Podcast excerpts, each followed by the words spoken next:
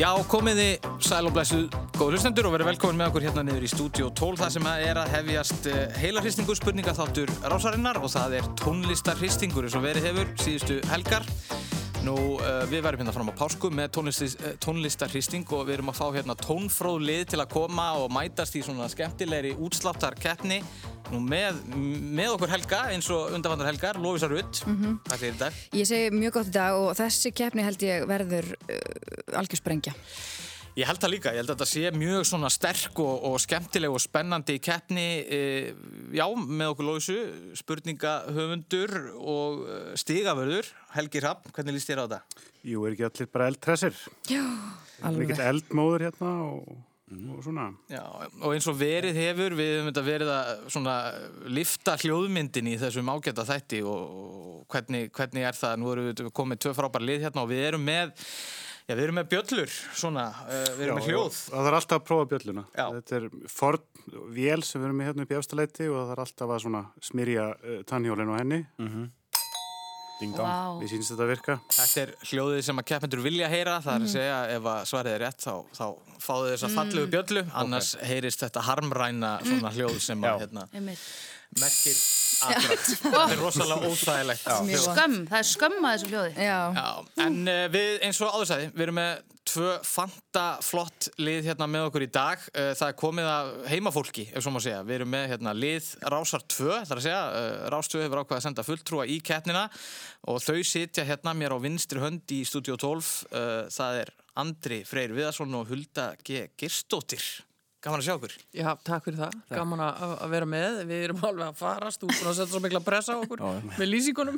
Já, en, þa en það var nú samt svona kannski með ráðum gert sko, þú veist, það var, þú veist, við ákveðum að fara ekki að draga ólapalla eða, eða eitthvað svona, svona sem er algjörlega 100% í tónlistatengdu programmi. Já, takk fyrir það. Þú ætti að segja að þú hafi bara náðið eitthvað svona drast. Já, svo ætla ég nú að bæta því viðhuld að, að þið hafi nú samt sem áður flegstu þetta mikið í tónlistartengdri þáttagerð og Já, öðru, sko. já, já, langt síðan reyndar mm. mjög langt síðan sko Við erum mest í, í mannlífinu þessa dagana ég á mótnan og Andri í síðdeginu mm -hmm. en, en við reynum okkar besta. Já, Ég er mikið búin að hugsa um þessa gefni og það er mikið að, að hérna, ég þannig bara að deilaði með ykkur að, í nótt sko, þá dreymdi mig að ég var á stjórnundorgin í kringlunni og það var Prins og Damon Alban saman og þeir voru að fara með eitthvað svona IKEA plöntu svona háa og, Damon var eitthvað að brölda með þetta og Prins var svona aðstofan, hann var svona einhver svona dúnurbu og var svona að taka laufin frá allir á hann og ég var svo hissa á þess að ég bara var að leita okkur sem ég þekkti sko, þá sá ég dasgrástjóra rásatu hann var með konu sinni hérna í rauðan á söppi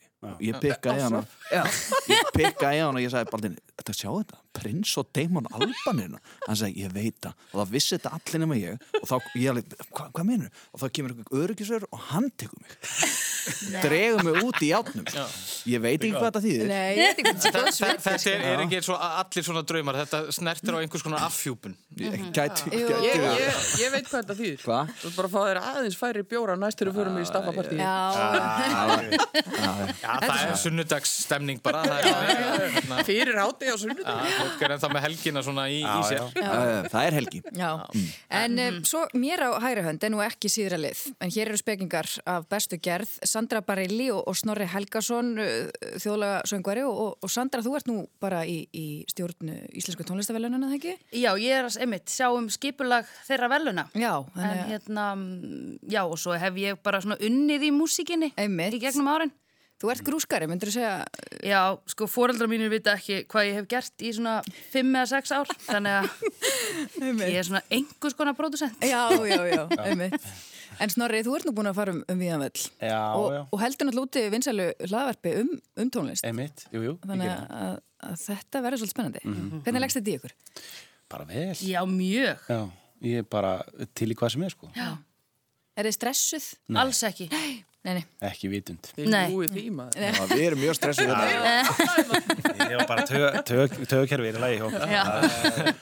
Við fórum í jóka í morgun já, já. Og... En okkur er þá í rauninni ekkit að vambúnaði og, og er ekki bara ráð að hefja leika? Já, þetta er bara með þessu hefðbundna sniði sem við höfum verið með hérna uh, síðustu helgar við byrjum á svona bara þemaspurningu vikunar, svo förum mm. við í 50-50 leikin okkar og svo er það valflokka umferðinar, áður en við förum í þrýþröðuna fyrir auðlisingar uh, og já, ég held að við bara byrjum, byrjum þetta og, og já, þemað þessu sinni, það kemur nú kannski ekki úr mjög óvæntri átt. Þemað er eldgós Já, þetta hefur auðvitað verið svona umræðan í þessari viku, það er hvort að hér geti farið að gjósa á hana og, og fyrir spurningin fer á uh, ykkur, uh, Andri og Hulda.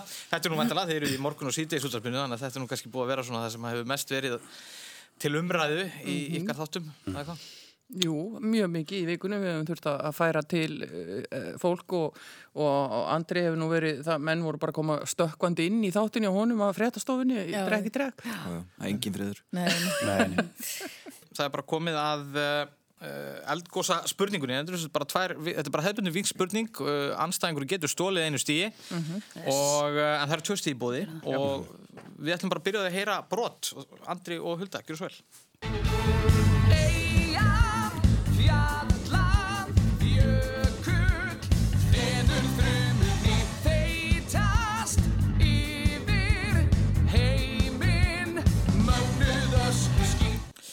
Já, þetta lag, Eldgoss, eða Eyjafjallajökull, kefti í söngvakeppni sjónvarsins fyrir Eurovision árið 2011.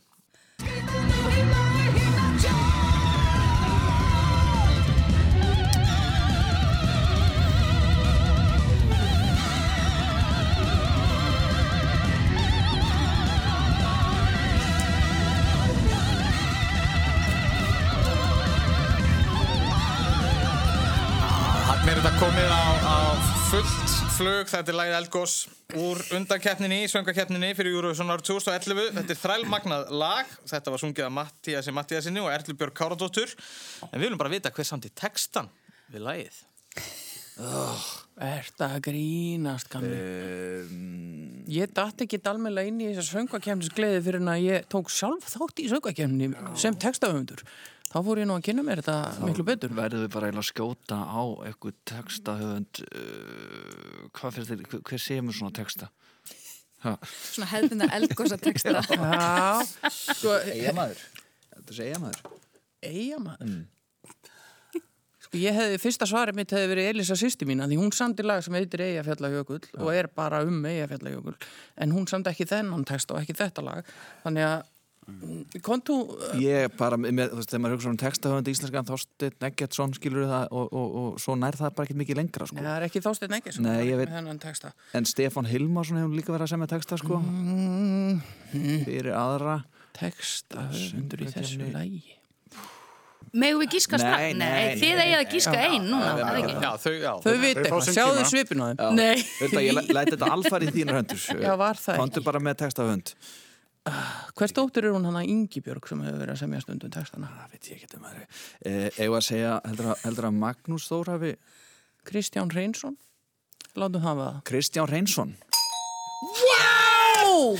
Þetta, kom, þetta var unbelievable Þetta var, þetta var svona svo tomatsósan sko. það var ekkert að fremta svo bara allt í einu spýtti svarið út. Shit. Við reyndar vissum þetta, við ætlum að hafa þetta spennandi. Já, já, þetta er dasgrákera fólk að atvinnu sem hefur verið að kunna búa til smá Ten sjöjón Herri, þetta var skerja fyrir að skaldið Kristján Hreinsson sem hefur náttúrulega samið marga texta Ég ætla að það hefur verið geggjað svar. Uh, Snorri og Sandra, þið er líka brott Ok, okay.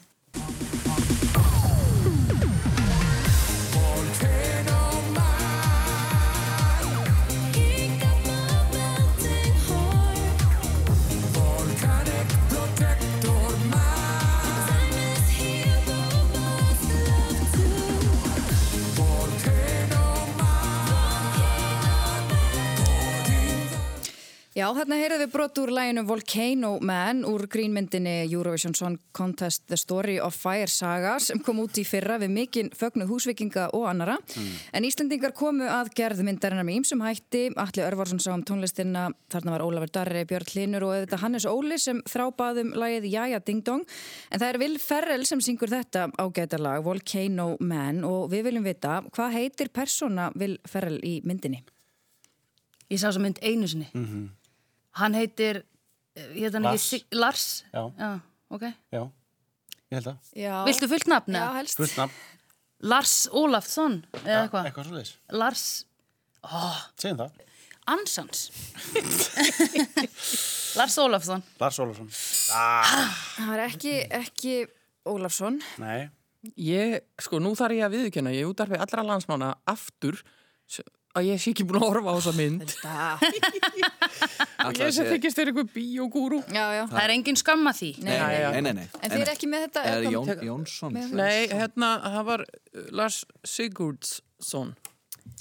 Ekki heldur. Oh, Ekki heldur. Þetta var náttúrulega, þetta er svo fyndið, hann heitir Lars Erik Song Já, Já, son Já, ok. Þú veist, ekki Son yeah, Ég myndi að það var eitthvað svona ramt í Já. son en Þetta er mjög fyndið, sko.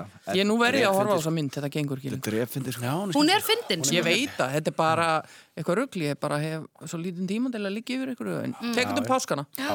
Heyrðu Já, þá- við, Heitin. Þá höldum við bara áfram og við höfum verið hérna með svona bara löfléttan leik sem heitir bara 50-50 þar að segja að þið fáið spurningar sem að, með tveimur möguleikum Ok, sem eru okay, er- báður jafn líklegir. Ok, og það er eitt stig bara í bóði og svaraturinn fyrir ekki yfir. Já, þetta er svona frekar svinslegt samt því að það getur munað svo litlu á þessum atriðum. En fyrir ykkur, Huldu, Hulda og Andri, við ætlum að fara í plötusölu. Uh, hér munar sérstaklega ekki miklu, en við viljum vita hvor platan seldist í fleiri eintökum, samnemd plata Metallica, sérstaklega með Metallica frá 1991, eða platan Appetite for Destruction með Guns N' Roses frá árunum 1987.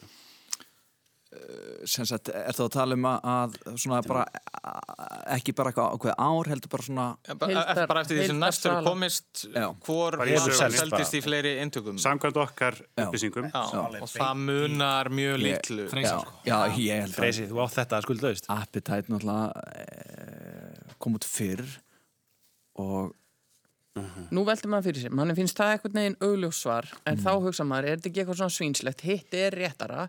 Já, en á móti kemur ef að ég væri í fótboltaspurningakefni eða ef ég væri beðin að tippa til dæmis bara á, á lengjunni eða eitthvað ég myndi alltaf setja sigur á Arsenal þannig að ef að þú segir ekki appetite, appetite já. for distraction ég veit það, en maður bara heldur með sínum mönnum Ég held, já, já, ég held líka sko, að comebackið og svona, það hefði svona selta hens fleiri plötu líka, sko, þú veist. Uh, eru að tala um allar útgáður af plötunni eða?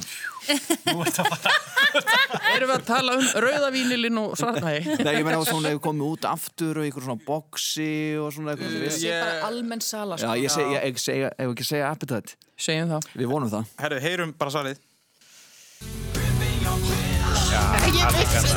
Ég hef alltaf sagt það líka. Það er Austur-Európa slags síðan sko á, á talíkunni sko sem er að Samkvæmt rífa okkar tölum þá er þetta 31 miljón eintök með Metallica en 30 hjá Guns N' Roses. Það það sko. Þetta er fólk þarna, feilaði maður bara á þessu. Já, já. ég vissi þetta væri sálfræðið nýjus það er að spila á okkur. Ég hefði alltaf mertu það sinna Ég ætla að hlusta á því næst, Hulda. Heyriði, það er sambarleg spurning handi ykkur. Já, já. Snorri og Sandra. Við spyrjum uh, aftur um, um plötusölu Ok. Hvor platan seldist í fleiri eintökum Jagged Little Pill með Alanis Morissette sem kom út árið 1995 eða platan 21 eða 21 með Adele sem kom út árið 2011 Í, Það voru sett. hún seldist pottit meira, það ekki? Glæð. En Adele, er þetta lægi með Adele þar sem hún er aðna Anyone but you Þannig að aðalægi hennar Someone like you, já Someone like you yeah. Anyone, but you Anyone but you I can't feel Reservoir En hvað segir? sem er, ég er algjörlega annar. ég, ég myndi að samt halda að veri Adele Heldur það? Ég, það eru, það voru ekki, ég átti alveg sem voru sett, ég átti ekki Adele. Ég hugsa bara að bara plötur hafi selst almennt meira in, in the 90s. True, En- very true. En, en vissulega var Adele svona meira svona huge. Þetta er ekki, það er ekki verið að setja inn í þetta eitthvað svona Spotify-lustanir. Nei, þetta er bara plötusala Já. en, en, en aftur það munar afar mjóu á, á Lannis. sölu og þessum plötum Eða dellið. Dellið, dellið, Dellið. dellið. Heyrum svarið Það er ansvar.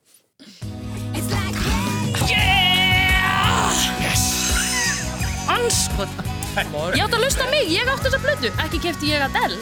Nei, nei. Þú að hlusta á þig. Já, hlusta á hvað mín, mín, mín, hag, mínar eigin, mínar eigin, hérna, mína eigin hagfræði. Þess að ég kefti þessa blödu, ég kefti ekki að dell. En sko hér munar einmitt uh, Alanis Morissette seldist í 33 miljón eintaka á móti 31 miljón eintaka hjá Adele sko. Þetta er svolítið sínslegt, já, já. En þess vegna er þetta nú líka 50-50 og það er bara eitt í bóði sem að já, já. bara gekk ekki út enough. og staðan er staðan 0-0 ennþá? áður en við förum Nei, Þau manstu þau voru með hana... Við vorum með það með Kristján Reynsson. Það eru Andri Freyr og Hulda sem leiða með tvö stig gegn núl stigum hinna en það er náttúrulega bara nóg eftir af þessu. Já, Heldur betur verið rétt að byrja, það kom það fyrri valflokkaumfyrinni á blöðum fyrir framann ykkur eru þið með blöð sem mert eru einn, mm. með tölustafnum einn og við sem snúa þeim við þá sjáu þið fyrri valflokkaumfyrinna.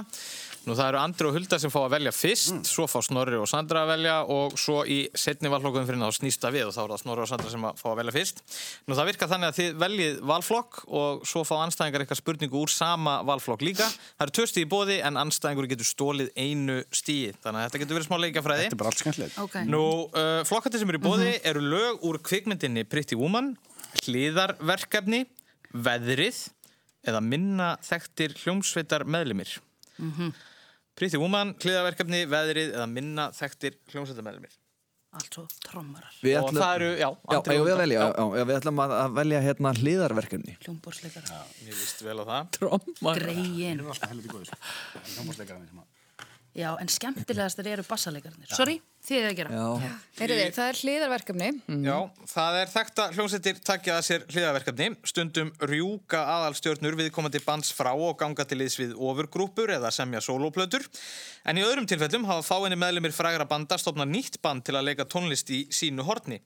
Árið 1981 stopnuðu hjónin Tina Weymouth og Chris Frant sem bæði voru þá meðlumir í Talking Heads nýja hljómsveit sem var sangkallað hliðarverkefni og slum heyra brott.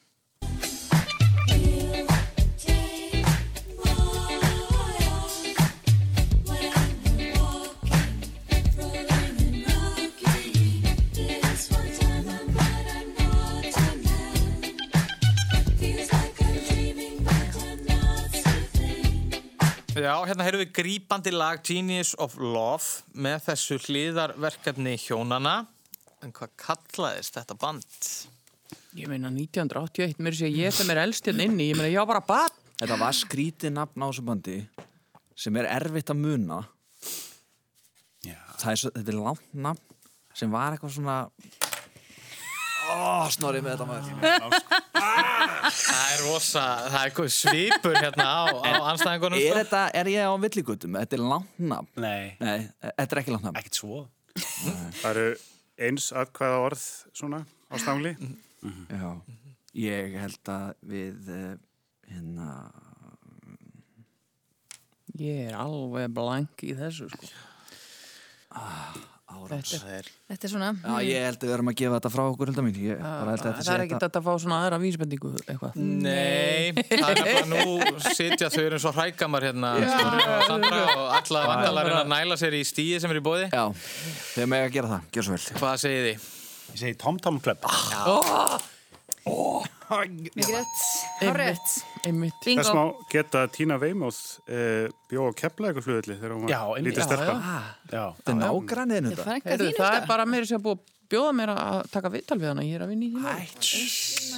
Þá veistu þetta núna og talar Ég, um ég hefði þurft að vera búin að tala við hana á þenni fór í Já. þennan front. Nákvæmlega. Þetta er frábært lag. Heyriði, en við spyrjum ykkur þá á móti um uh, Íslenskt hliðaverkefni frá árinu 1995 en tveir meðlumir í Maus, þeir Ekkert Gíslason bassaleikar og Daniel Þorstensson trommuleikari, gengur þá til liðs við nýja Brimbrettarokk hljómsveit á samt Körver Tóraðsson og Ólafi Ragnari Helgasinni.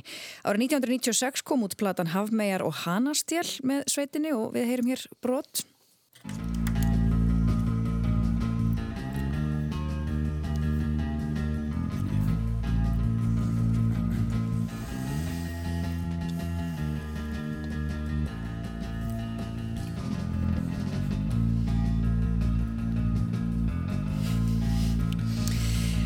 Já, og við viljum einfallega vita hvað hétt þetta Brimbretta Rocks hlýðarverkefni. Ég heldur að það bara heiti Brim. Þetta er miklu léttari spurning miklu léttari. og við vissum þetta líka. Það er konar tilfinningar í spili. Það Oh my god. í Stúdíu 12 eins og yfirleitt þetta svo er sem. bara flott. Sko. Klárum þetta bara í sjómanni. Já, já. Heyri, næsta dagskrá. Það er bara komið að snorra og, og, söndru Já. að velja. Ertu með eitthvað preferensa? Af þessu? Það sem, já, stendur eftir er Pretty Woman, já. veðrið eða minna þekktir hljómsveitar veðrir. Ég til þetta allt, sko. Já, já. Svo tökum minna þekktir. Af Minna því Þú þekktir. mynd rústa því. Ok. Úf, hér eru orðin látin falla eins og ekkert sé. Já. Ég hef svo mikla trú á mínum, mínum manni. Já, Sko. auðvitað. Herri, þetta er bara einföld spurning. Við spyrjum einfallega í hvaða þekktu hljómsveit hafa Tony McCarroll, Alan White, Jem Archer og Andy Bell verið meðlumir. Uh, Býttu nú við það. Tony McCarroll, Alan White, Jem Archer og Andy Bell verið meðlumir. Viltu segja Supertramp? Já. Andy Bell. Hefði- Þetta er einhver... Er það, er það Stones? Nei. Það er ekki rétt og hér er stíð í bóði. Við ætlum að skjóta á hljónstina Ræt. Nei, Ég heldur. Þetta er mjög fræg hljómsveit, sko. Má maður hætta í Ræt. Þetta er hljómsveitin Oasis. Þetta er náttúrulega kannski lí- lýsir svona aðeins þessu bandi. Já, Það eru bara gælega bræður sem fólk mann eftir. ég átti nú að vita þetta. Já, já. En Andy Bell var í Oasis á tíma. Já, það er það- En, en við vorum náttúrulega bara að hugsa um Andy Bell í rætt. já, þetta er svona. Já, já. Heyriði, Mm. en Það var Bonehead. Hún heitir einn Það er. Ian, að, það? Já, já, já, það er svo, já. já. hann, heitir nefnilega öðru Hann nafn. var ekki skýrðu bóna þetta mömmu sko. Akkur ekki. Það var bara gælega bræður að- að að leggja henni inn eftir því að hann var skautlóttur. You're going to be... Ah, Ég trúi því ekki að þeir bræður hafi gert það, þessi, góðu drengir. uh, Andri og Hulda þið fáið bara sambarilega spurningu. Og hún hljómar svona, í hvaða hljómsveit hafa þeir Guy Berryman, Will Champion og Phil Harvey starfað? Þetta eru Guy Berryman, Will Champion og Phil Harvey. Þetta er ekki góð flokku sem valdir það. Ég er bara, Hún skil. hvað segir þú, Vilda? Ég, sko, ég þekki ekkert af þessu nöfnum og, og þetta er svo rosalega opið, það er bara allur heimurinn undir. Þú Veist, þetta getur bara verið eitthvað háskólaband bara í Alabama eða eitthvað. En Þetta er, Þetta er svona kannski með svona svipuðu sniði, sko. Já, já. Það kemur ekkert óvart, sko. ok, uh, lestu þetta fyrir mig einu sinni. Jú, í hvaða hljómsveit hafa þeir Guy Berryman, Will Champion og Phil Harvey starfað? Erðu? Nei, Nei. Við segjum bara blöður. ég myndi ekki gera það. Nei, ok, býtum. En hvað segir? Ef hann sagði þetta að vera svona svipuðum toga, ég meina... Það er alltaf, það er alltaf bara þeir. Það er alltaf bara þeir, það er rétt, ég veit það líka alveg, sko. ég Já. er bara að ruggli mig. Já, já, ég skilja, Komdu en eitthvað. ég held að sé Breitlandsegjum, sko. Já. Þannig að þetta er í hug, sko, charlatans sem ég, nei, það, nei. jú, a, nei nei, nei, nei, nei, nei, nei Ekki Stone Roses Nei Hvað er annað þarna í Manchester? Sko Svo kannski er þetta ekkert svipuð með þig, þetta verið allt annað sko, ég, hérna Láttu að þú varst með eitthvað í hausnum á það? Já, nei, nei, ég er bara alltaf þykjast sko ég... Eh, Já, Þetta er rosalega raut, ég er hérna bara veit hreinlega ekki hvað hún Uh, hérna, segja. segjum bara Happy Mondays. Happy Mondays. ekki Þetta er... voru það. Það veitu, það er... Já, Megum við gíska? Já, hérna. Veist þú það? Já, prófa. Já. Suede. nei. Nei. Er... Þetta er nefnilega hljómsveitin Coldplay. En þetta var ekkert ósvipuðu með þið, sko. Nei, nei. Er rétt. Svona er þetta. Coldplay. Ó, Þetta er erfitt. Já. Þegar Já, fólk þekkir ekki alveg svona mennin á Nei, nei. Ég, sko. ég ætla nú svona að miða við það sem að vera þætti við bara um, telja spurninga þannig hérna að það vera mjög erfiðar. Já, ég var að segja það Það. er svona sterk lið sko. Sko, það er reyndar ennáttúrulega með þess að valflokka þú, þetta er uh, svo konfettkassinnans forest Já, sko. þú veist aldrei hvað þú færið sko. Finnst ykkur reykja eitthvað þetta er að gerfugla svona heimst fólk þegar það var rótlega létt um Nei. Þau völdu bara ég sko þessu. skilur Já, ég get ekki séð betur Við hefum reynda að reykja okkur á það varandi spurningakefnir að, að þetta, þetta er bara mjög svona tvívítt sko. Að, ef að fólk veit Jafnvægislist. svörin sko, þá þá, þá er allt létt. En ef að fólk Já. veit það ekki Já, já. Það er, rétt. það er líka öðruvís að vera í þvóttáhúsin og hlusta á það heldur en að vera hér fyrir framann hljóðnum og með lið á móti sér sko. Er- Þetta er mjög klassíst, maður- við Andri hefum rústa síðasta þætti til dæmis, en þá vorum við líka bara heima hjá okkur í já. já, já. En uh, við höldum bara fram, Já, hérna, já. það Jú, jú. komið að setni Og, valflokkanfyrinni og þess má nú geta að stígin eru sem sagt, þannig að Andri, Freyr og Hulda eru með tvö stig en Snorri og Sandra með þrjú. Nú, ok, við erum yfir. Næs! En það er nóg Þetta er- í Það er bóðin. nóg Þetta er, er samt nánast nýfjamt sko. Já. Uh, já, það komið að setni valflokkanfyrinni og þessu sinni er það Sandra og Snorri sem að fá að byrja og þið snúið bara við blöðunum sem stendur á, á tveir Ok, Nú, og þá eru það flokkandi sem er í bóði það er Köld hljómsveitir með comeback Hárbandsballöður ártöl í nöfnum og titlum eða bíómyndir um tónlistarfólk þetta er gott sko. Ef að taka bíómyndir. Eða, eða kvöldljónsettir. Með comeback. Já, gerum köllljón sem er með comeback. Kvöldljónsettir með comeback. Köllljón sem er comeback. Já. Gott og vel, kvöld hljómsveitir með comeback og þá heyrum við einfallega hljóðbrot. Gjörðu svo vel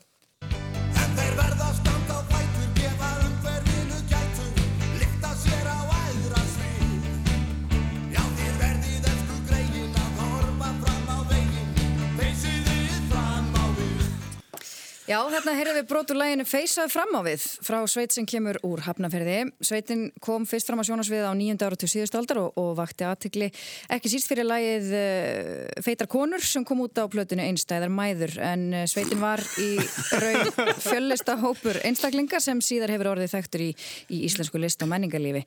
Uh, Hljómsveitin snýri aftur árið 2014 og uh, episka tónleika en spurt er hvað heitir hljómsveitin? Þetta er Köld hljómsveit úr Hafnafyrði Já. Rólegur, rólegur í að aðstóða hérna. Já, nei, Það var bara endur taka sér. sko. Feitar konur segi. Paldan einstæði maður. Þetta var fyrir tíma réttrúnar hugsunarinnar. Já, já. Já, erum fólk fór að vera kurtist. Já. Uh, Hva- Hvað, hvað hétt þetta lag sem við vorum að hlusta á? Feysaðu fram á við. Sagði fram á við, fortíðin er að baki. Lion King. Það sagði Bumba sko. Það er ekki verið að spyrja um það. Hvað heitir þessi ágæta hljómsveit? Þessi frábæra hljómsveit Nei, það er að að hérna. Það er, mér, ég er gaman að því að fylgjast með því hvernig svona stemningin hjá liðunum snögg breytist reglulega. Það, eru miklir, uh, já. uh, Þú, um, að mátt, eiga, er sko, ég, ég, ég bara, Tom, ég veit það ekki. Nei, ég er ekki bara, ég er ekki með þetta. Þetta er ekki koma. nei, Þetta er ekki Ok. okay. þá er stig í bóði fyrir liðir ás og tvö. Kátir, piltar. káti pill. já, Rétt. Platan Hvað- einstæðar mæður sko. Það er algjörlega magna. fyrir káta pilda. Já. Það er engamálaulsing.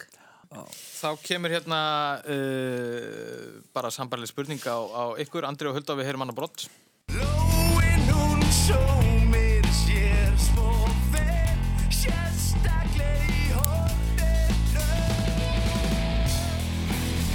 Já, ég man þessu leið. Þetta er nú alveg, Ha, þú ert með þetta? Já, já, Já, já.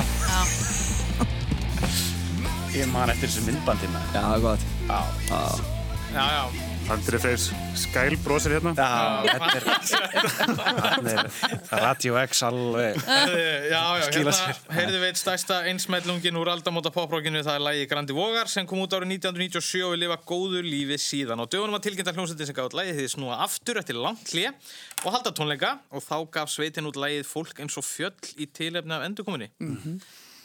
En fyrir tvö stík, hvað heitir sveitin? Sóma Já, þetta, þetta listi Andri með Sóma. Já, já, Já, já, já, wow. já Við vissum þetta hérna Út á sporki Þetta var, Við erum búin að vera hérna að spila nýja þeirra og svona, Já, þetta, er, þetta er bara fínasta comeback Já, hérna. já, já, það hérna, þetta var kvöld slagari. Það þarf að fíla þetta lag. það er að gera það. Það er nokkuð ljóst. Það er ekki annað hægt Nei, nei. Heyriði, næsta dagskrá. Já, þá fáið þið að velja. Nei, það eru Andri og Hulda sem að Andri og velja sí- setni og síðasta valflokk dagsins. Ok. Já, fyrst að Andri klúra þessu með Guns að náðan, þá fær hann að velja fara aftur inn og svipa slóðir og fara í hárbandsballuð Gott og vel, Ok. ekki vanda málið, sko. Einmitt. Við heyrum faktisk bara brotum leið.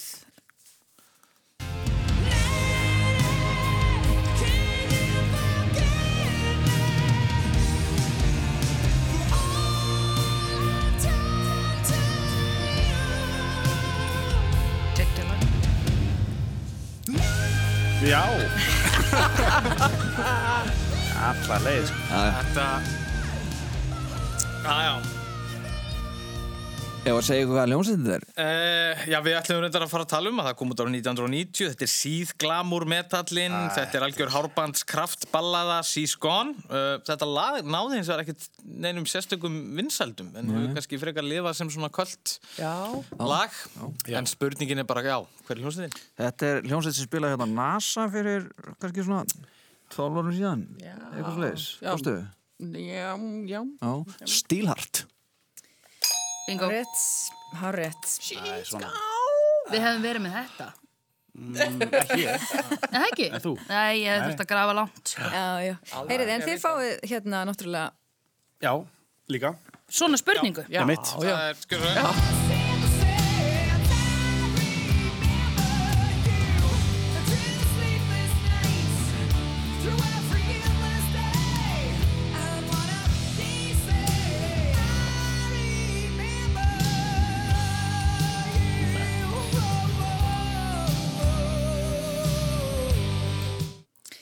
Já, klassísk hárbandsveit hér uh, sem er einna frægust uh, fyrir plötu uh, sína sem kom út ára 1989 og hétt eftir hljómsveitinni en þetta lag, I Remember You, er einmitt af plötunni og náði sjötta sæti Billboard listans. Við viljum einfallega vita hvað hljómsveitin heitir. Já, ok. Var þetta þá ekki bara eitthvað svona Guns eða Metallica? eða Nei, eitthvað nei. Það var ekki Guns eða Metallica. Nei, það er búið að spyrja um það. Hvað heitir hinn veist, ég, ég ætla bara að segja Bon Jovi eða eitthvað, er ekki bara? Jú, I Remember You Já. með Bon Jovi. Hei, hefur ekki hert lagið I Remember You með Bon Jovi? Jú. Já. Bon... Hans. Sko það er gaman að segja frá því að, að þetta er Þau að spilaðu á NASA árið eftir. þeir spiluðu á NASA, já, en með öðrum söngur að þeir spiluðu líka í reyðhöllinu þessi plata var ný Já. Einmitt. og þetta er sko fyrsta plata sem ég kaupi fyrir minna eigin peninga sko. Nau! kefti ég þrennu sko, og tvær möllu krú og skittró Já, Ok. Skittró. Skittró. Svona er þetta. frábær plata Já, já. Þetta er epic í rockinu Mjög gott. Heyriði, staðan er þá, hún hefur eitthvað breyst. Aðeins. Já, það var smá Já. sveifla hérna undir Það lokin. þurfti. Andri Freyr og Hulda voru svolítið að sópa til sín stegunum. já, já. Öss.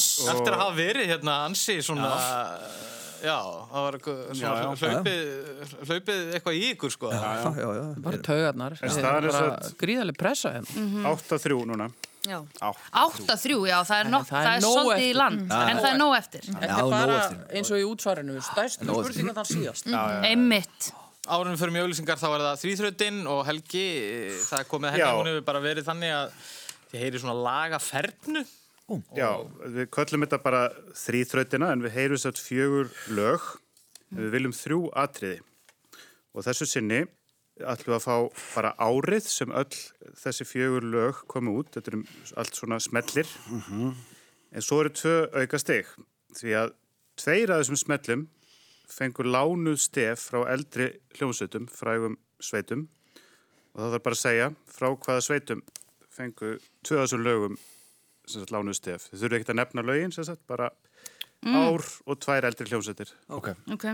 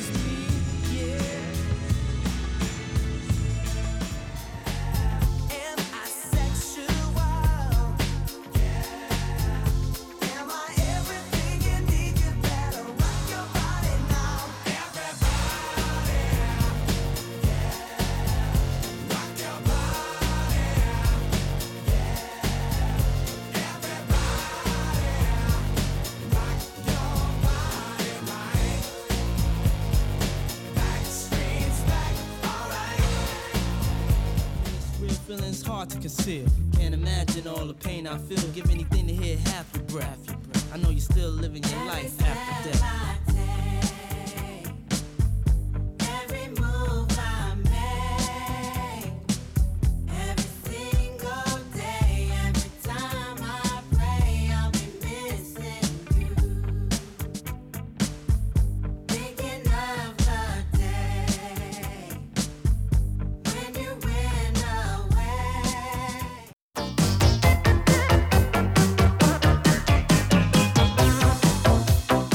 komið þið sæl, aftur hlustendur góðir og verið velkomin með okkur hérna á nýja leik niður í Studio 12 þar sem að tónlistarhýstingur er í fullum gangi. Hér er mjög skemmtileg uh, keppni í gangi. Mér á vinstri hönd er lið Rásar 2, Andri Freyr og Hulda Geirs sem er að mæta Snorra Helgarsinni og Söndru Barilli og áður en við fórum í auðlýsingar þá heyrðum við laga fernu og við vorum að byggja um þrjú atriði upp úr þessari laga fernu og liðin eru búin að afhenda okkur blöðan helgi, er það ekki? Heldur betur, bara fyrst kannski geta þess að lögin voru í þessari röð Around the World með Daft Punk, Bittersweet Symphony með The Verve, Everybody með Backstreet Boys, Yes. Fólk var mikið að dilla sig við það hérna og I'll Be Missing You með Puff Daddy.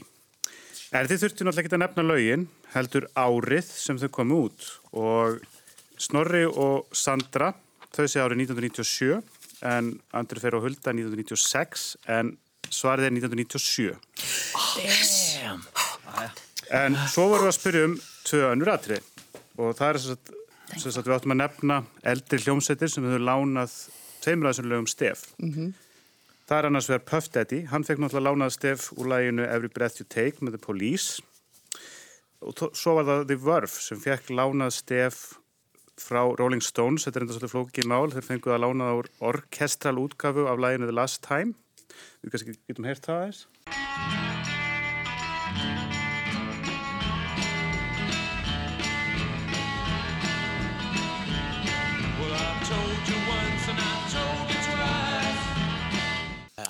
Já, classic. En Gekkjalag, gekkjalag. þessi, þetta endaði vel fyrir nokkrum árum því að Mick Jagger og Keith Richards afsölu sér öllum stefgjöldum sem sagt til The Verve Já, e, já, árum. e, þetta var svolítið ákveðverð því að Stónshauðurinn voru fengið stefgjöldin fyrir Já, þennan öll þessi ár. risa smell í öll þessi ár. Já.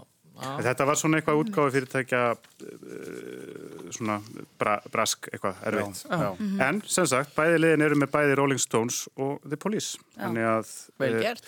Andri Freyr og Hulda tvö stig en hinn þrjú stig. Viltu vita hvað allir í Backstreet Boys heita? Fá auka stig fyrir það. Hver er sætastur? Brian. Já, langsæðist. Langsæðist.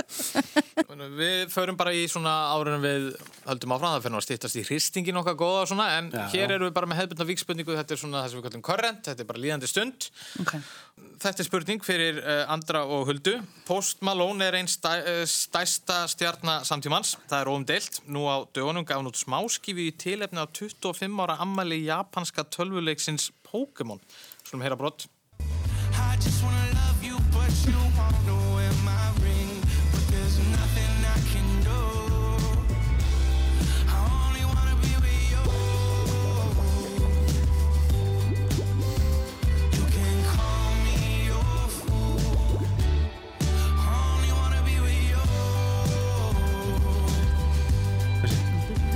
Já, þetta er ábreyðalagi sem kom upphala út árið 1995 og heitir einfallega Only Wanna Be With You.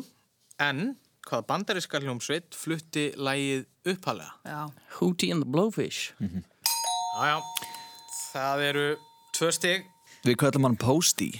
Já, Post Malone. Hann er kallaði Posty, sko. Fólki sem þekkir hann, sko.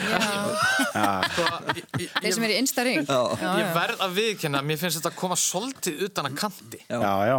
Uh, Hootie and the Blowfish, var þetta ekki svolítið svona... Svolítið svona lumm og ball. Adult contemporary, svolítið svona... Já. Þetta er svolítið fyndið, sko. Jói, hút nú með svona fróðleg smóla. Já, já, það var bara mikið í fréttum þegar and the Blowfish var vinsæl hljómsveit að hérna, besti vinnu trommar hans var íslenskur maður. Þeir voru miklu vinir, voru saman í háskóla og, hérna, og trommari and the Blowfish var með svona í- íslenska fánan á trommusettinu sínu um langar hríð. Íslendinga koma allstað við. Já. Við eignum okkur þetta Já, þannig að við erum með svona, svona ster- sterka tengingu við hútíðan og blóðfís Öll íslenska þjóðin. Við öll, sko. Úti líka þá. Heyriði, en það er sambarlega spurning á, á ykkur, Snorri og Sandra, mm líðandi stund. Nú, ofur stjarnan, söngkonan uh, Taylor Swift hefur heldur betur verið að nýta samkomi takmarkanir og, og samkomi bönn og annað, en hún sendi frá sér óvænt tvær breyðskifur á síðasta ári sem báðar sló í gegn og, og hún hefur nú verið tilnæmt til nokkura Grammy-veluna fyrir hérna fyrri, plötuna Folklore. En við viljum vita hvað heitir síðari platan sem hún sendi frá sér tæplega fimm mánuðum síðan. Hún hétt eitthvað eins og Homecoming eða eitthvað Nei, svo það er Beyoncé. Já, það er líka Beyoncé, já. Home, Home, Home Alone. eitthvað, æ, hvað hétt Home with you. Fyrir platan er, er platan Folklore, svo kom hinn í desember, sem sagt, fyrir Já, já, mánuðum já. síðar, sko. Og óvænt, það er báðar runni, sko. Já, einmitt. Það var mjög mikið fjara fólk við þessu og er en þá. Segjum það, Homecoming. Eitthvað svo leiðis. Coming home. prófum það. Já. Homecoming, já. Nei, Nei, ekki var það svo. Við ætlum að segja, er þetta ekki alveg örugglega rétt hjá okkur? Átti þetta bara að vaða. Við ætlum að segja Evermore. Það er hárið. Á, vá. Uh, og þetta var allt í, í lástöfum, bæði Folklore og Evan, þetta er svona búið að tíska Já, svona- krökkunum í dag, alltaf allt í lástöfum. The Moom Originalist. Það var líka. Við Íslendingarnir erum Já. það, var endar í Cummings, bandarið skáld? Nei, ok. Þá er það textabrótt. Í, í Já, Cummings. sem sagt, þetta er nú svona skemmtilegu liður hjá okkur. Við sem sagt leituðum til uh, hans, hann heiti Guðmundur Björn Þorbjörnsson, fréttamaður, þið þekkja hann kannski, hann er með mjög fallega rödd. Já. Ómþýða svona, já. Já, og við fengum hann til þess að uh, lesa hérna uh, söngteksta fyrir okkur og hann les þetta bara svona uh, með, sinni, uh, með sínum hætti, en þið þurfum að giska á hvaða lag er hér á ferðinni. Herjá, svaritunum gengur ekki yfir þannig að það er bara sikkvot brotið á sikkvot liði fyrir tvö stygg og uh, Ok. hérna er brotið ykkar Andri og Hulda. Skuggar kvöldsins, kæla herðarnar, ljósin kissa gluggana, bjarminn frá eldinum sínir rúnirnar, ristar í andlitum mannana. Með svefninum koma minningar, votar grafir hetjunar, títóismi í knýttum bökum. Já, Hvaða lag er þetta? Lið Rásar 2. Er þetta þýðing? Nei, nei, Nei, þetta Nei, er, þetta er já, bara- original. Þetta er bara- unnalegur texti á íslensku alíslenskt. og við þurfum bara að vita að laga og flytjanda.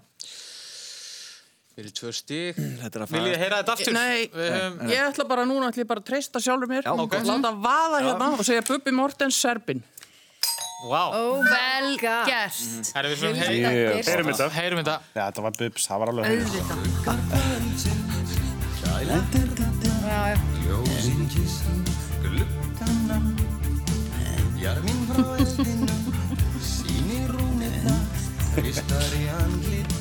Já, já, þetta Já. var Serbin. Svo þannig að þá förum við bara yfir, í- yfir til hins Einmitt. liðsins með bara svipaða spurningu, ekki bara láta vaða, þetta er svo falla að lesi hjá honum Guðmundi. Já. Gjör þið svo vel. Aftur með gattavír sem rýfur upp gamalt gróið sár. Er orðin riðguð sál, rafmagnið búið. Mér langar að skera og rista sjálfan mig á hól. En þóri það ekki. Frekar slekk ég á mér. Aleinn á ný. Þetta er, þetta er djúft. Þetta var ekki eitthvað svona hljómar. Þetta er Sigurós. Já. Rafmagnið búið, flugfrelsaðin. Geðveikt. Þetta er rétt hjá honum. Nei, betur, rafmagnið búið, ba ný batteri. Það. Shit. Þetta var stert. Þetta voru sterk tvö stygg hérna á bæðilið. Oh my god. Hérna, Vel gert. Ég veit hana emo, Jónsi. Svakalega leiðan á milli Að rista sig á hól og annað maður. Þetta er, Greið. Rosalegu texti. Englíðan var. já. Já. Nú fór svo mamma er ekki knúsa neitt. Nei, nákvæmlega. Heyriði, um, Já, þá er bara komið að loka umferðinni sem eru undar þrjár umferðir. Eh, Það er hristingurinn og nú getur allt gest en kannski áður en að við förum í það, Helgi, hvernig standa stíin? Eh, Andri og Hulda með 13, Snorri og hérna, Sandra með 8. Já, En það er Það nóg af stigum í bóði og hristingurinn er bara byggður upp eins og valflokkarnir þannig ég ætla að byggja ykkur um að snúa í blaðinu sem mert er þrýr og þar sjáu þið flokkana sem er í bóði í hristingnum. Nú, hann sett virkar þannig að það eru fjóri flokkar og í hverjum og einum þeirra eru þrjár spurningar. Einn svona þykir frekar létt, gefur eitt stig, önnur aðeins þingri, gefur tvö stig og svo þingsta gefur svo þrjú stig. Við förum þrjárum ferðir og þið veljið einfallega spurningu úr einhverjum af þessum flokkum fyrir eitt þema, fyrir annarkvort eitt, tvö eða þrjú stig. Og þá gildir bara hvað ykkur lýst best á og hvað sem mikla áhættu þið viljið taka með þingdina. Það liðið sem er undir er náttúrulega kannski þá Já, svolítið svona- að hugsa um svona herri Já, stigin. og anstæðingurinn getur áfram stólið einu stígi ef liðið svar ekki rétt. Uh, og við höfum haft þann háttin á að liðið sem er undir fær að velja fyrst. Nú flokkarnir sem er í bóði í hristingnum eru nýbylgjan þekkt sömpl lög í íslenskum auglýsingum og ábreyður uh, Nei, Nei, bara lög í Það er lög í auglýsingum. Já, annarkvort það eða þetta líka. Og uh, já, þannig að þess að nýbylgjan, þekkt sömpl, lög í auglýsingum eða ábreyður og þekkt sömpl er nú áriðin þekkt stærð. Það hefur verið hérna það tveimur þáttum. Já, Þannig að það er svona fastur flokkur í þessum áttalega úrslita kettnum. Ég var að taka það og ég er líka alveg, alveg til í þetta sko, ábreyðuna. Já, definitely. Lög í auglýsingum eða, já, hva, hvað segir þú? Lög í auglýsingum eru oft svona eitthvað, æ, þú veist, Nike, Já, já, Little Let Conversation, eitthvað þannig, já, sko. já, já. Hvað segir þið? Já, by- byrjum á ábreyðum. Ábreyður, Þú er búin að standa þessu ógeðslega vel, þú mátt velja. Og fyrir þá... Hversu mörg stig? eru ekki bara að fara, Klárlega þrjú. já, já, eða bara, hvað er mest það, er ekki þrjú?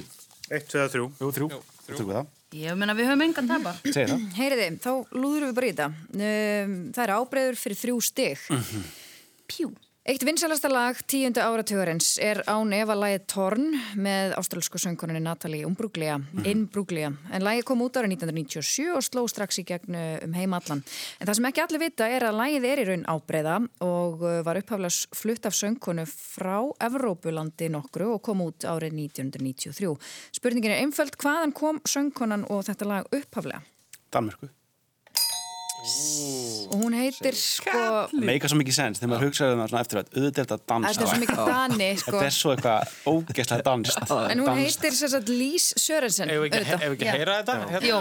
Upprænlega útgáðana?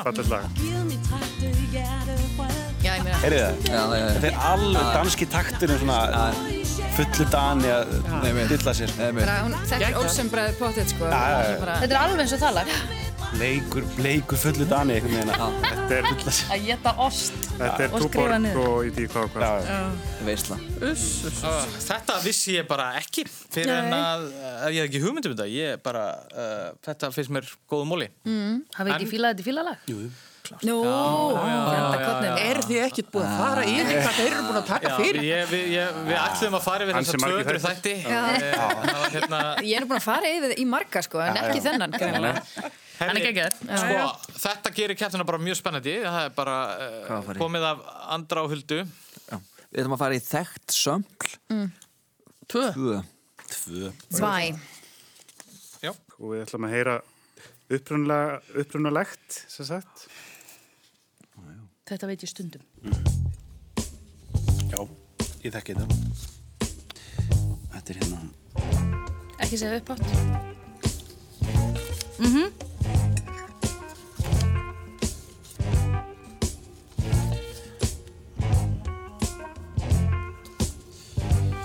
Þetta er lagið. Einmitt.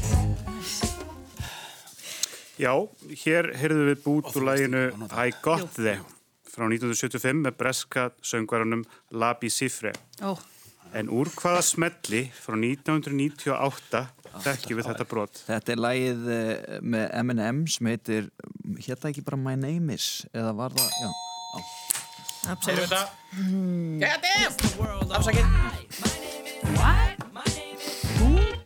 Tjekka, tjekka, Slim Shady.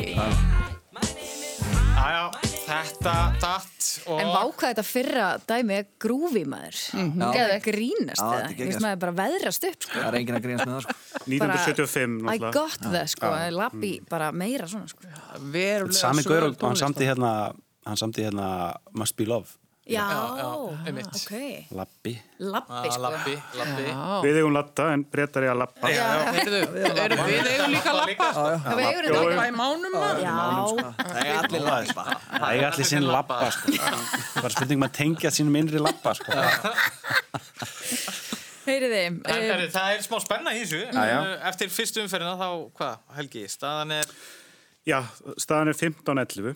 Og það er aftur komið að snorra á Söndru og þið kynni nú að þurfa að taka einhverja smá áhættu eða hvað? Jú, jú. Er ekki bara þristunni í samblinu, eða? Jú, klárt. Alveg, sko. Heldur það verið anstíkilegt? Nice. Þá skulum við heyra Bingo, let's hérna, do it. sem sagt, upprunalegt. Já, heyrum annað brott.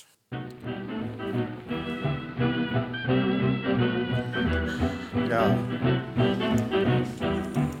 Já, við það. Já, já, já. Með uh, hljómsdýri Þetta sem sagt, var lagið My Woman með söður afríska jazz tónlistamanninum og söngvaranum Al Bowley sem útkom árið 1932 en hann var einn vinsanasti tónlistamann Bretlands á sinni tíð. Við höfum heyrt þetta stef í tveimur frægum lögum að minnstakosti. Já. Annað þeirra var enskur einsmellingur sem útkom árið 1997 en hitt kom út árið 2020 með tónlistarkonu af Kosovo-albönskum ættum. Nefnið annarkvort lagið. Sko, ég held að þetta fyrra enska sko, er, er, er hljómsveitin White Town og lagið þar hafið það heitið Your Woman, er ekki Já. Er þið ekki búin að taka þetta líka? Ég skal segja ykkur hvað ég heyri í þessu stöfi. Hlustu einu sinni. Ég heyri Imperial Marcel það- John Williams. Það hefur sagt. Og Star Wars. Einmitt. Einmitt. En Það var svo Já, einmitt. Dua Lipa sem var líka með þetta stef. Já. Já. En, Herri, wow, þetta- vel gert. Þetta, Þetta er skemmtilegt. það er bara ráðstefna hjá liðir ása 2. Já. Já, já. Heyrðu, upp og bói. Við Það ætlum er að... 15-14. Já, við ætlum að... Nei. Þetta er æsis. Já, Vorum við ekki... Segja þetta. En þið eigið náttúrulega bara, þið eigið náttúrulega bara... Það er ágætt fyrir ykkur að vita Þið það. eigið auka spurningu, sko, þið, þið eru náttúrulega já, já. ykkar hérna... Ok, þá tökum við, hérna, eh, hva, hvað tókuð þau í auðlýsingunum á hann? Þristin. Þristin. Þrist. Nei, þið tóku... Við tókum Það við í ábreiðum, já. Ok, ok, ok, við ætlum að Þannig að- taka tvistin í auðlýsingum. Flott. Svo tökum við þristin og klárum þetta. Já, við, ég byrja bara á spurningunum svo heyrum við brot Já. í, framaldi. Þetta er sérst lögur auðlýsingum fyrir tvö stig. E, nýlega var gerð stór rannsókn um gamlar auðlýsingar hér innan Ríkisútarfsins og sumar þeirra eldast vel, aðrar ekki. E, en hver man ekki eftir auðlýsingunum um Svala, þessum ágæta Svala drikk sem hefur fyllt kynnslóð eftir kynnslóð. Við skulum heyra hér brot. Einn er sá drikkur sem aldrei mun dala Svo ég smúti góður menn drekka nú bala Auðvitað við allir um hvernig tala Það er ekki um annan að ræða en svala. Og einn er sá drikkur sem aldrei mun dala Svo ég smúti góður menn drekka nú bala Ég var að segja hvað þetta er, eða? Sko, Lappi. Ætlið að spila alltaf. Já. eða, sko við viljum, við viljum hérna. vita einfallega hverju voru það sem sungu í þessari auðlýsingu. Já, þetta var Sverri Stormskir Já. sem söng þetta. Var Jón Páll að sína, hann, Jón Páll var í auðlýsingunni, var Jón Páll ekki Já. með? Það lítur að vera ef að... Jón eru Páll og Sverri Stormskir.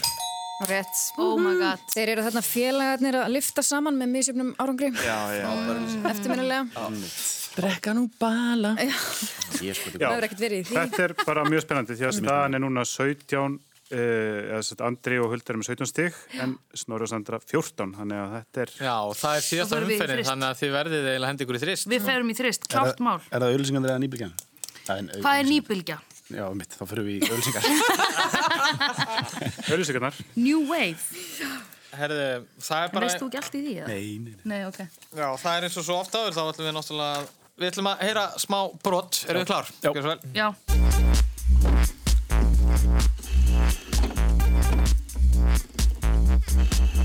Já. Mitt. Þú séð þetta. Já, já, já.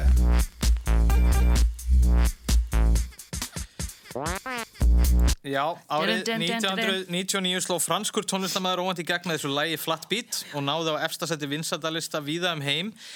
Tónlistamæður var frekar óþektur fyrir og lægi náði ekki útbreyslu fyrir það byrtist í auglýsingu Gallabuxna Rísans Levi's. Ah, ok. En fyrir Sorry. þrjú stig, Hvað kallaði þessi franski tónlistamæði sig? Ég held að þetta hefur verið bílaölsingin hann að Mhm. Franskur tónlistamæður sem að er frægur í dag. Já, þetta er svona svolítið kannski... Já, þetta komst í efsta sæti á vinstalistum um allan heim. Það er nú kannski ekkit mikið heyrst frá honum síðan. Nei, nei. Hann hétt eitthvað svona fra, Fred plus Fransi. Fred Fransi. Fra... Fred franski. Nei, Uh, nei, ég heldur að það. Chasse, Chassele Casson, eitthvað svona. Chassele Casson. Já, eitthvað þannig. Eitthvað á Casson, Casson de Garson, Garson. Garson de Canson, Jansson. Já, Samson. fyrir uh, þá hlustendur sem er að detti núna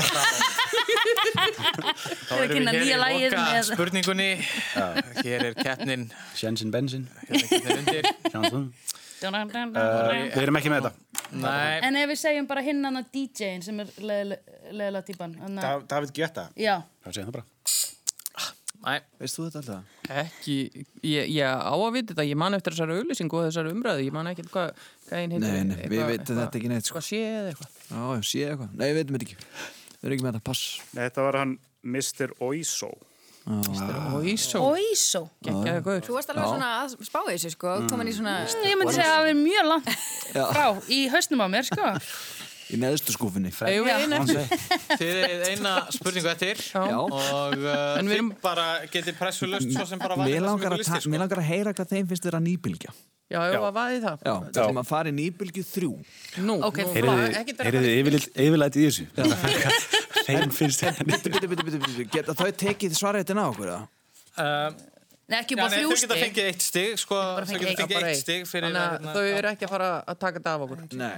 Ok. Já, við, við gerum þetta bara, þetta er bara skemmtilegt Herðu, uh, Ég, ég hefði... hérna Já, já. Erum við er að- að tvö? hérna, Hva, hvað er í gangi? Nei, alltaf bara eftir að Andri kom með þessa yfirlýsingu ég er spenntur að heyra hvað þeim finnst þeirra nýbylgja þá fór Lofís allt í eitthvað keng með spurningar og var eitthvað að hugsa En það er margt kallað nýbylgja á New Wave. Já, já. og- Ég- Við ætlum að fara í. Er, nei, Tvistur. Nei, ok, já, ok. Að það ekki jú, ok, Já. Tökum þristin. Já, já, já. Já, já, við hefum enga að tapa. Nei, nei, nei. En vinna. hvor spurningin er skemmtilegri? Við tökum þrjú. Já, Við tökum þrjú. Vöðum í þetta en Ok. ekki. Okay. Fair enough. þá heyrum við bara hljóðbrott. Já, gjör svo vel Einmitt. Það er þoka. Já, já. Já, já, já, já, já.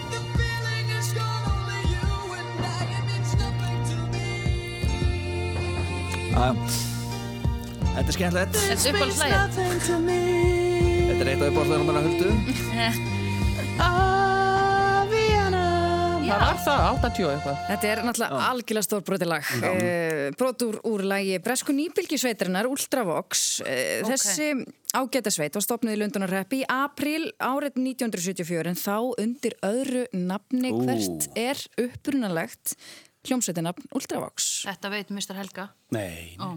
Hulda. Er það grín? gott með þetta. Ekki Ég vera er feimin. ekki að grínast. Ég... Þetta er þryggja stiga sko, ég er bara komin að það. Það geta verið þungar Já. Er þetta Hétum stuttnafn? bara, Ég gef ekkert upp. hétum bara Ultra. Já, bætti bara við voksinu. svona. Já. Bara svona ganni. Eh, Þegar maður ekki heiti Vox. Magnarar og svona sem að heita Vox. Sko, Það ég, er- ég hef einhvern tímann lesið þetta. Ég er alveg með það á hreinu og það var nú bara einn á hápuntu lífsmýns þegar ég fekk að hitta Midjúr í þessu stúdíu hérna að spjalla við hann í svona stund. Já, já, já. Hann spilaði hérna fyrir okkur, Já. bara einn og sér, æðislugur. Þá áttu nú að vita þetta, held að. Ég ætti að vita þetta, ég skammast mín, ég vona að Mitch heyri ekki enn þá. Ég vona að Dotti er þetta ekki með þér. Við ætlum að segja Ultra. Láttu það að Við ætlum að segja Ultra. Ætlum þið að segja Vox? Ég var að segja Vox Ultra. Ultraes. Always ultra. Always Ultra. Nei, come on. Eh, Gerum eitthvað realistic. Hvað er... Það er bara allt sem getur mögulega verið til í heiminum. Það er mjög raunsætt að skjóta það. Hérna, uh, hvað hétt þetta lag? Vienna? Já, Já, bara, uh, Á- Ástría. já. Sko, nei, þetta er nefnilega tengist sko upprannlega nafninu ekki neitt. Nei. Uh, og þetta er svolítið fallegt og svona, já, uh, Ultravox hétt sem sagt upphaflega Tiger Lily. Já. What? Hefði aldrei slegið í Er það þetta ekki- nafn. Einmitt, Er það ekki bara þaðan á ekki Bob Geldof dóttur sem heitir Tiger Lily, eru þeir ekki vinnir? Er þetta ekki eitthvað Sko, vera. hérna með Tiger Lily var náttúrulega í Pétri Pan. Já, einmitt, akkurat. En þá er lokið hér mjög bara uh, sterkri og, og, og spennandi og skemmtilegri keppni. Það er lið Rásar 2 sem fer með Sigur af Holmi með 17 stigum gegn 14 stigum Snorra Helgarsson og Sandru Barli sem að stóðu sér líka með miklum sóma. Geggju, Já. kepp. Æsi spennandi. Uh, Aldrei verið fleiri stig í þessum þætti, í einum þætti. Vá, Nei, held ekki. Nei, ég er bara fullir að það núna, að ég, kaupi það, ég kaupi það. Og mjög mikið að stigum uh, þannig að Andri og Hulda við fáum að heyri ykkur aftur uh, Snorri og Sandra Takk kærlega fyrir komuna Okkar var ánægja. og frábært að fá okkur við verðum hérna aftur að viku liðinni og takk fyrir okkur í dag